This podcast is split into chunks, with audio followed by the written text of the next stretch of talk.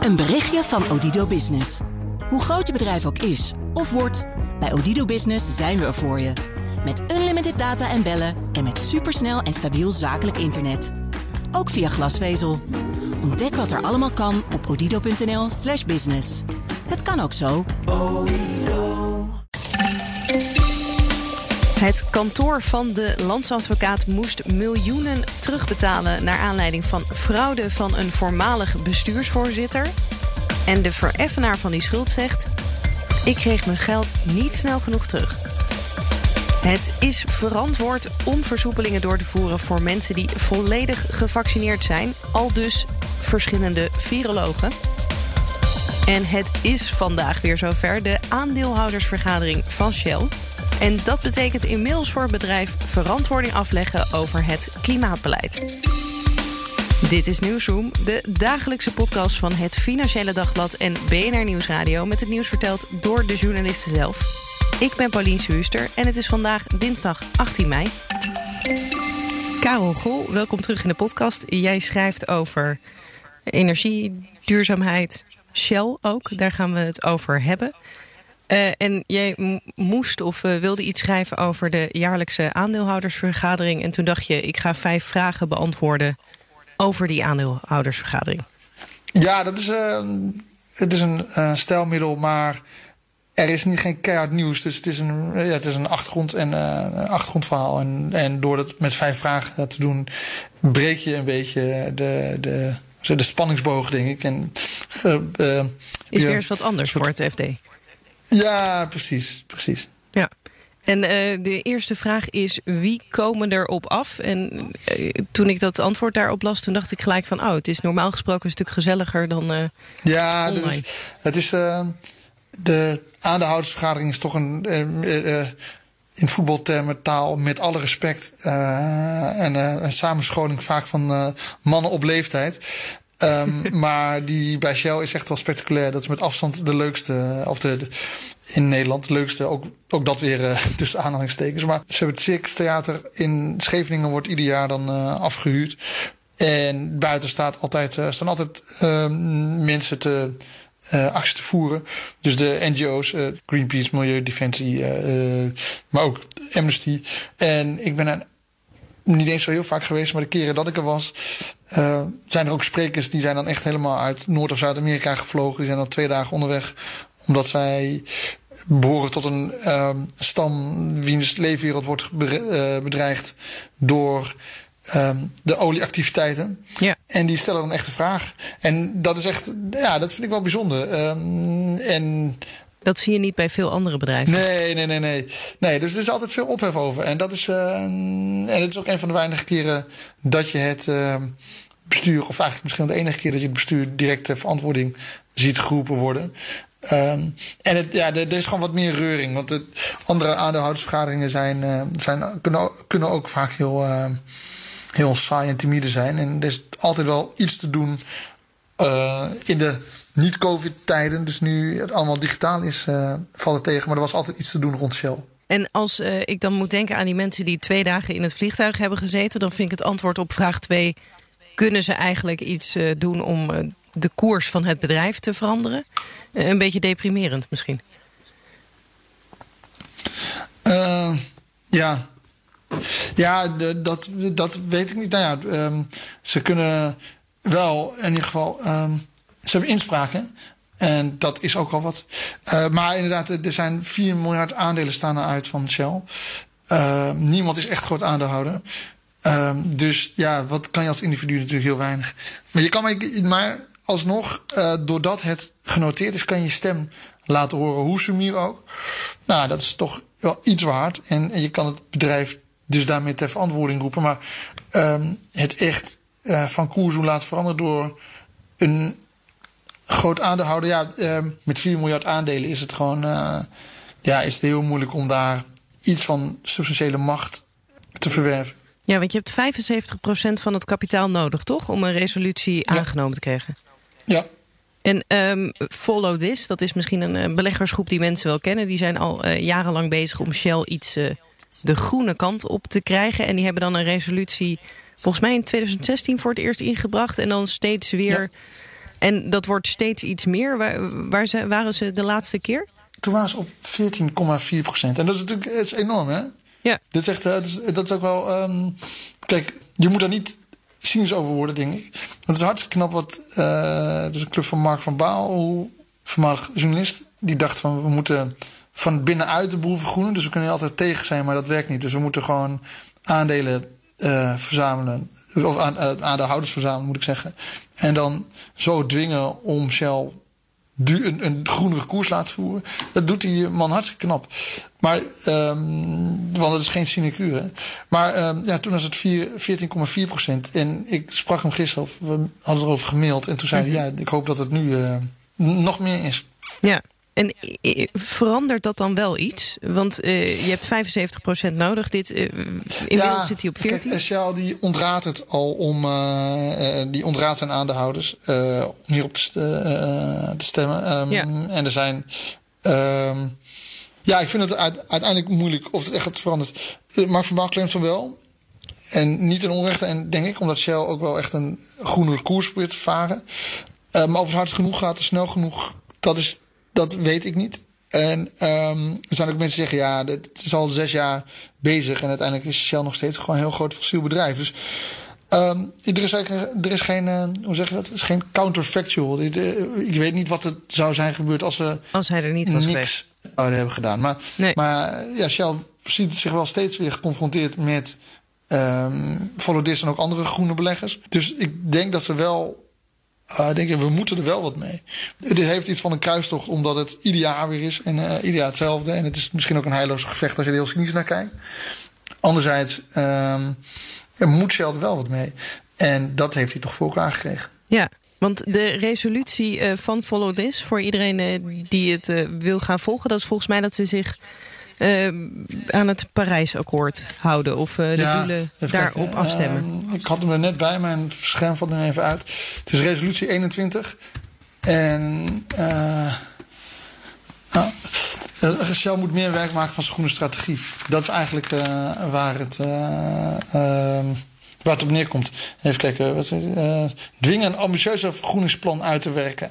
Dat ook past in de klimaat afspraken van uh, Parijs. Ja. Oké. Dat wil. Dus Shell heeft uh, eerder dit jaar een soort groene strategie gelanceerd.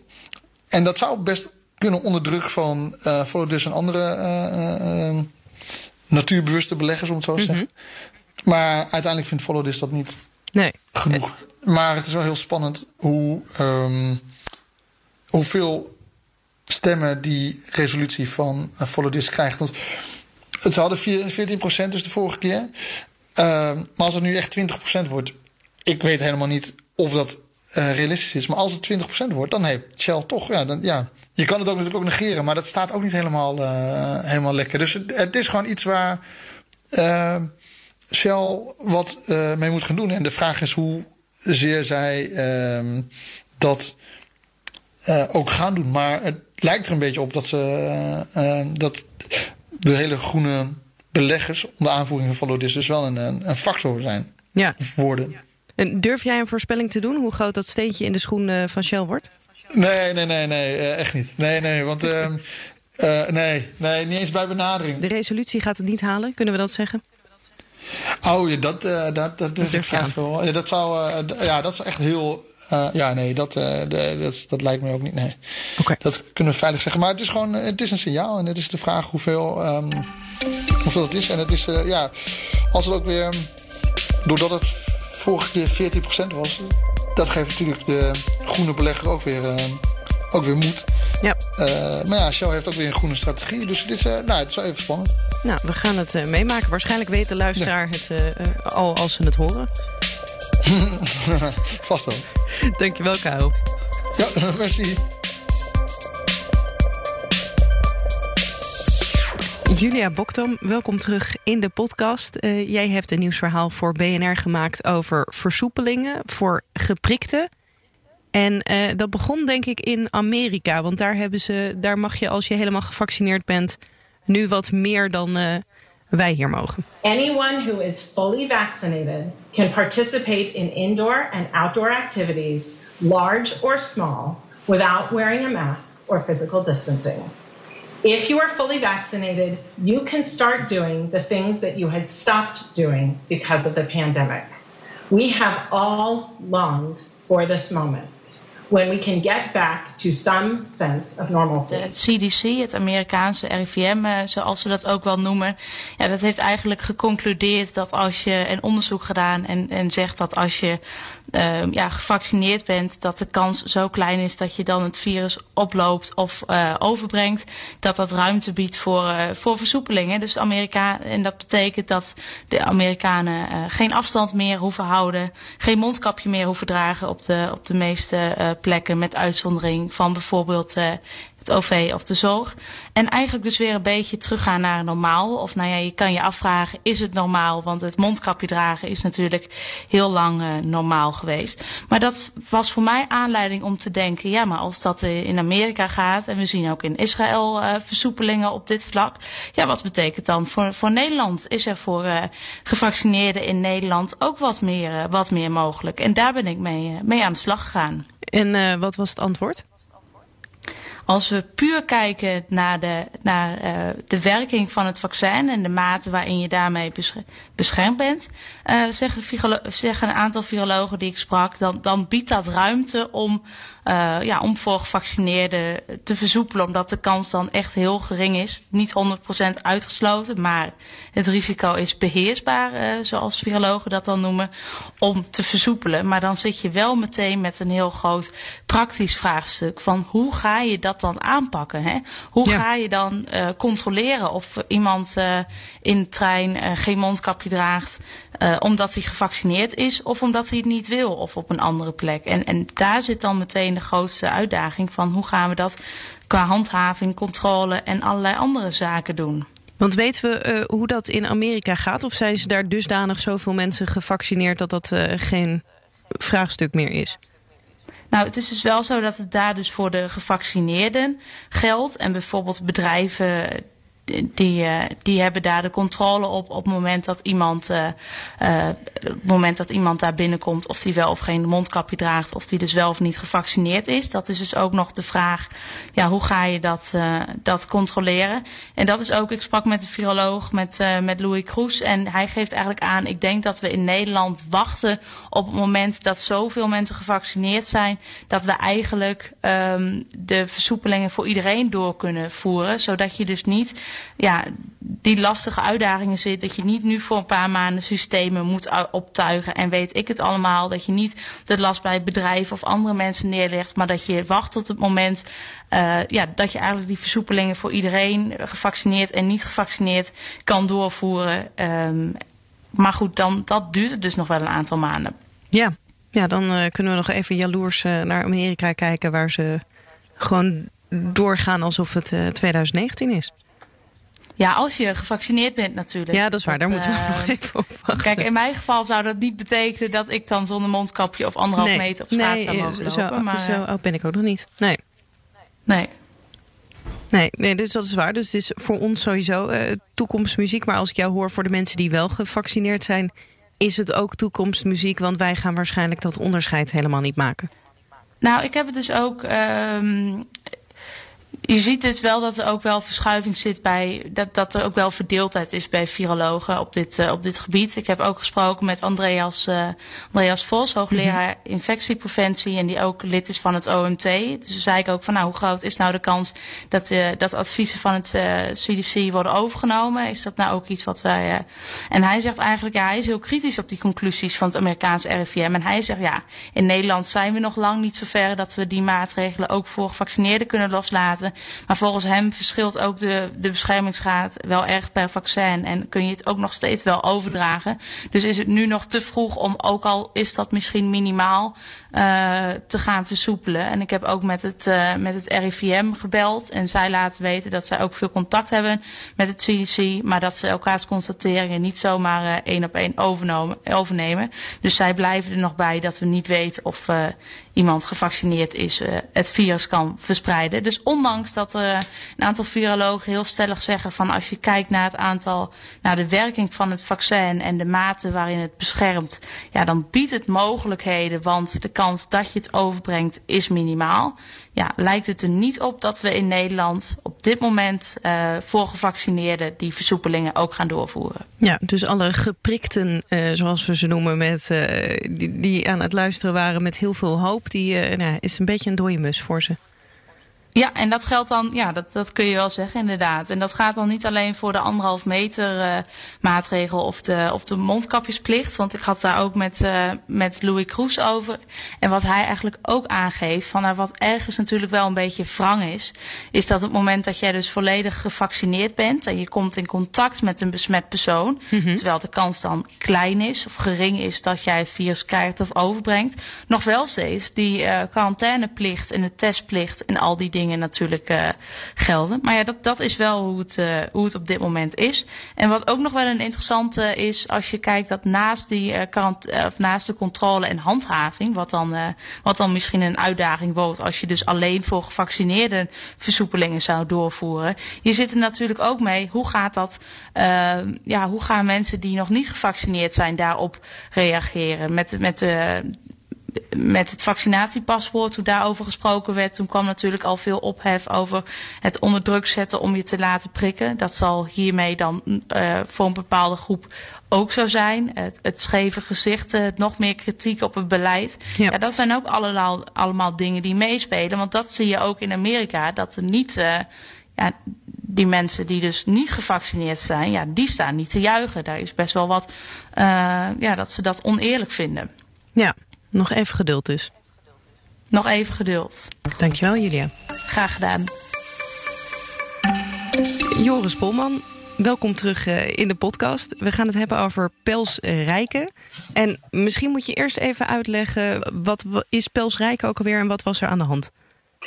Uh, Pels Rijken is een, uh, een belangrijk advocatenkantoor. Uh, het is het kantoor waar de landsadvocaat aan verbonden is. En, en daarom is Pels Rijken vooral bekend als het advocatenkantoor dat namens de staat, verschillende overheden eigenlijk, maar ook bijvoorbeeld toezichthouders zoals DNB en AFM, um, optreedt in, bij juridische geschillen en ze verlenen adviezen aan de staat. en dit hele chique kantoor kwam begin maart dit jaar uh, in opspraak omdat ze bekend moesten maken dat hun voormalige bestuursvoorzitter en notaris Frank Oranje mhm. meer dan 10 miljoen euro had verduisterd van cliënten van het kantoor. Uh, en Frank Oranje uh, was toen al langere tijd nou ja, het leidend voorwerp van een onderzoek van het Openbaar Ministerie naar die fraude.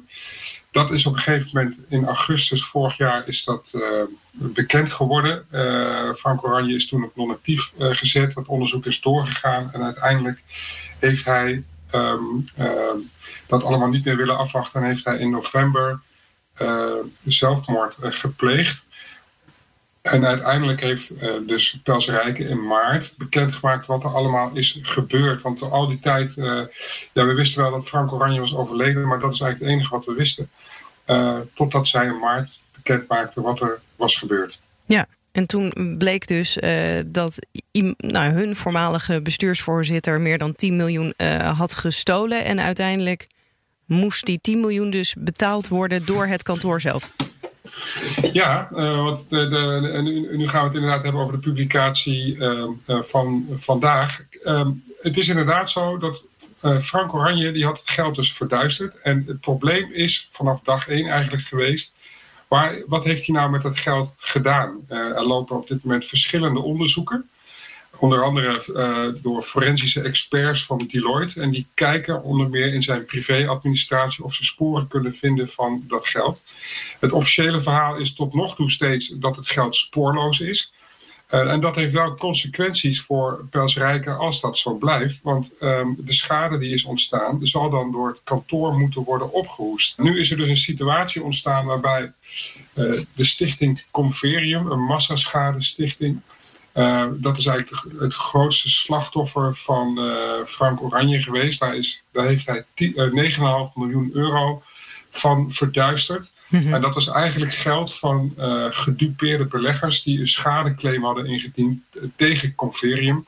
En Converium is dan weer, om het even volledig af te ronden, een Zwitserse herverzekeraar waarvan alles was misgegaan, onder andere in de boekhouding. Um, um, en nou goed, daar is een claim uh, in het, uh, tegen ingediend. De stichting Converium uh, zou dat afwikkelen. Had 49 miljoen euro om die uh, gedupeerde beleggers te compenseren. Frank Oranje was ingehuurd als notaris om dat allemaal netjes af te wikkelen financieel. En hij heeft kans gezien om dus 9,5 miljoen van die bijna 50 miljoen van die beleggers om dat in eigen zak te steken. Ja. Uh, de, de stichting dat willen ze nu terug. Ja, die stichting is nu, die dacht eigenlijk klaar te zijn met het afwikkelen van dat traject. Die kwam er dus ook in maart pas achter dat dat geld nooit bij die beleggers is aangekomen, die 9,5 miljoen, maar dat dat dus in de zakken van Frank Oranje was verdwenen. Um, en die, die zeggen, nou ja, wij moeten onze stichting weer nieuw leven inblazen, hebben ze ook gedaan. Wij hebben dat geld nodig en wij gaan zorgen dat dat geld alsnog bij die gedupeerde beleggers terechtkomt. Uh, ja, en uh, ze hebben dus uh, dat geld zou dus komen van het advocatenkantoor Pels Rijken. Um, die zou dat overmaken. En daar is achter de schermen dus, nou ja, ze zacht gezegd, gedoe over ontstaan. Ja, en ik begrijp uh, uit jouw artikel dat in eerste instantie uh, de belofte was van wij gaan zorgen, wij Pelsrijken, dat die miljoenenfraude recht wordt gezet en snel gaat dat geld uh, terechtkomen bij de juiste partij. Ja, ze hadden op 2 maart is die fraude bekendgemaakt. Toen is er een schriftelijke verklaring gepubliceerd door uh, Pels Rijken, waarin inderdaad werd gezegd dat zij uh, zo snel als mogelijk uh, zouden, dat geld zouden aanzuiveren. Ze zeggen eigenlijk zeggen ze als volgt: de ontrokken gelden direct naar de eerste onderzoekbevinding zouden zijn aangezuiverd. En er wordt voor gezorgd dat de gelden snel alsnog de rechthebbenden bereiken. Alleen ze hadden daarbij niet gerekend op Philip van Hilten, uh, bestuurslid, een oud advocaat en bestuurslid van die stichting Converium. Uh, mm -hmm. De vereffenaar, zoals, hij, uh, zoals de rechter hem, hem noemt. Ehm, ja, die, die, die wilde zo snel als mogelijk dat geld hebben van, van Persrijken. Ja, dat is ook wat te begrijpen, want die zat natuurlijk... Ja, die zat natuurlijk in zijn maag met die fraude. Die denkt, ik ga het geld snel, Ja, ik wil het geld hebben, ik wil het afronden en ik haal het weg bij dat kantoor. Um, nou, en, en daar, uh, dat ging dus veel minder snel dan uh, leek te zijn beloofd. en hij is daar nou ja, enigszins geërgerd over. Ik sprak hem daar dus over. En nou ja, zijn grieven stonden dus vanochtend bij ons in het FD. Ja, en is het dan, want ik begrijp dat Pels Rijken zich niet herkent in dit beeld. Hoe, hoe zien zij dat dan zelf? Want ze hebben aan de ene kant in die verklaring gezegd van uh, we willen zorgen dat het zo snel mogelijk uh, goed terecht komt, weer dat geld. Maar hadden zij dan zelf in hun hoofd van dan gaan we dat halen uit die nalatenschap van uh, Frank Oranje en dan betalen we het terug. En we hadden er niet over nagedacht om het zelf als kantoor te gaan betalen. Nou, uh, nee. Uh, ze hebben wel degelijk, een, zoals het dan heet, een, uh, een voorziening getroffen. Dat was ook na overleg met een aantal toezichthouders die zeiden dat ze dat moesten doen. Mm -hmm. dus ze hebben een potje met geld opzij moeten zetten om beschikbaar te maken voor, nou, voor de compensatie van die gedupeerde beleggers. Maar dat geld stond wel in een eigen rekening, op een eigen rekening nog. Ehm, en ja, ehm, die Philip van Hilten, uh, die zegt, ja, dat geld moet dus nu zo snel mogelijk naar mij toe. Je kunt je wel voorstellen, uh, ter verdediging van Pels Rijken, dat zij uh, nou ja, zich misschien wel eerst willen vergewissen van een aantal dingen voordat zij zomaar dat geld overmaken naar die stichting.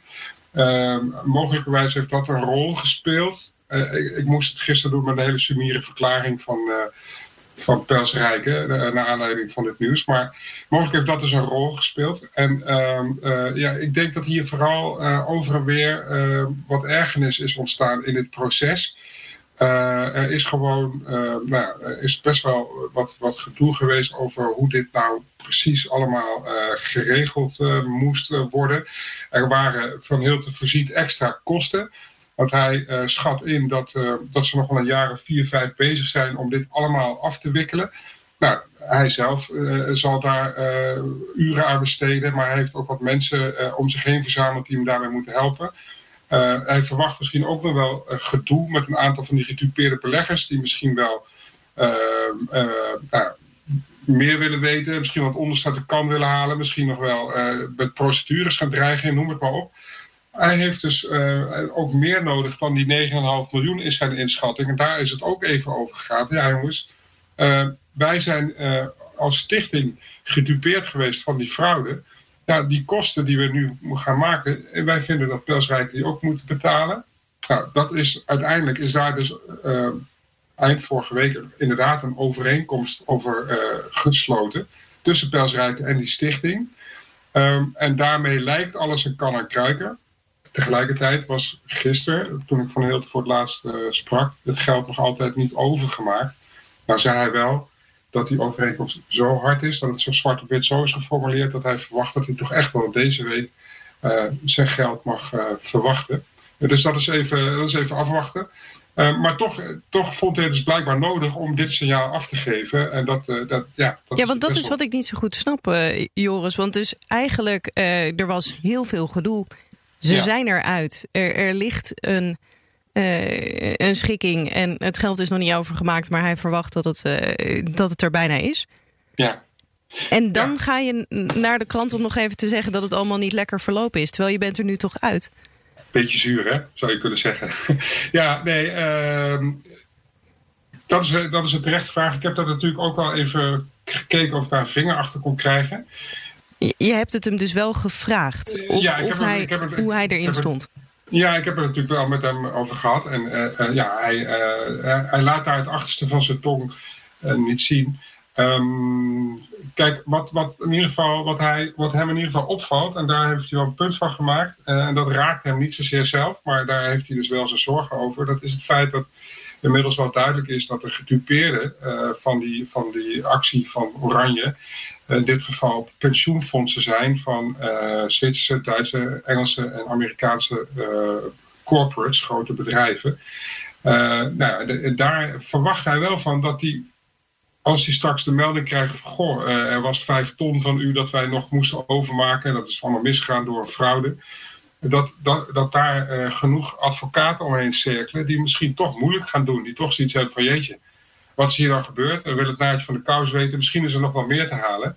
Zijn verwachting is eigenlijk dat uh, Pels Rijken uh, mogelijkerwijs uh, in de nabije toekomst toch te maken gaat krijgen met nou ja, vervelende Amerikaanse en Britse advocaten die misschien wel zeggen wij willen meer dan we nu hebben gekregen, want dit hebben jullie niet goed gedaan. En daar, daar houden we jullie aansprakelijk voor. Ehm, dat is in ieder geval ook een boodschap die hij wilde afgeven. We zullen moeten zien of daar wat in zit. Uh, Van Hilten is overigens een zeer, uh, zeer ervaren advocaat uit het uh, Zuidas milieu. wat dat betreft iemand die, die wel een klein beetje verstand heeft hoe de hazen lopen in de financiële wereld. Um, we zullen dat moeten gaan zien, maar dat vond hij in ieder geval ook belangrijk om, om gezegd te hebben. Helaas heeft Pelsrijke niet op die waarschuwing gereageerd. Um, we zullen dus moeten afwachten hoe dat in de toekomst verder gaat. Ja, en misschien vond hij het ook wel handig dat als het geld nou toch niet wordt overgemaakt, dat er dan uh, over een week weer een uh, artikel in het FD staat dat het geld nog steeds niet binnen is. Ik denk inderdaad dat, het, uh, dat dit ook een soort, ja, dat hier een soort, hoe noem je dat? Dat dit misschien dit signaal ook een soort verzekering is van nu weet de wereld dat dit is afgesproken. Ehm, er is nu ja, het, uh, kan er eigenlijk hoe dan ook niet meer onderuit. Hè. Dat staat nu in de krant, mensen weten het. Dus uh, daarmee uh, um, ja, zit er een slot op de deur. Misschien is dat inderdaad een afweging geweest bij Van Hilton om dit, om dit toch bekend te maken. Ja, als het in de FD staat, dan moet je wel natuurlijk. Ik denk dat hij daarvan uitgaat. ik, ik weet niet of het zo werkt, maar ik kan me voorstellen dat hij dat zo in ieder geval ziet. Um, wij vonden het in ieder geval interessant genoeg om, de, om dat signaal op te schrijven. En, welke belangen daar dan mee gediend zijn, ja, dat laat, zich, uh, dat laat zich vooral raden op dit moment. Ja, dankjewel Joris. Dankjewel. En daarmee zijn we aan het einde van Newsroom voor vandaag. Um, omdat het ter sprake kwam, wil ik toch nog even zeggen: denkt u aan zelfdoding? Praat er dan over. Bel 0800 0113 of chat via 113.nl. 24-7 kan dat, anoniem en vertrouwelijk. En wat ook 24-7 kan, is Newsroom terugvinden in je favoriete podcast-app, in de BNR-app. En je kan ook reageren nieuwsroom.bnr.nl of nieuwsroom.fd.nl. En morgen is Nieuwsroom er natuurlijk weer dan met je vaste presentator Mark Beekhuis. Namens Mark heel graag tot morgen.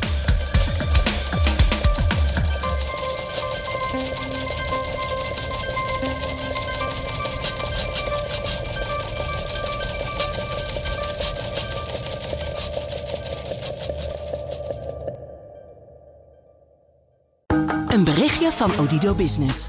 Hoe groot je bedrijf ook is of wordt, bij Odido Business zijn we er voor je. Met unlimited data en bellen en met supersnel en stabiel zakelijk internet. Ook via glasvezel.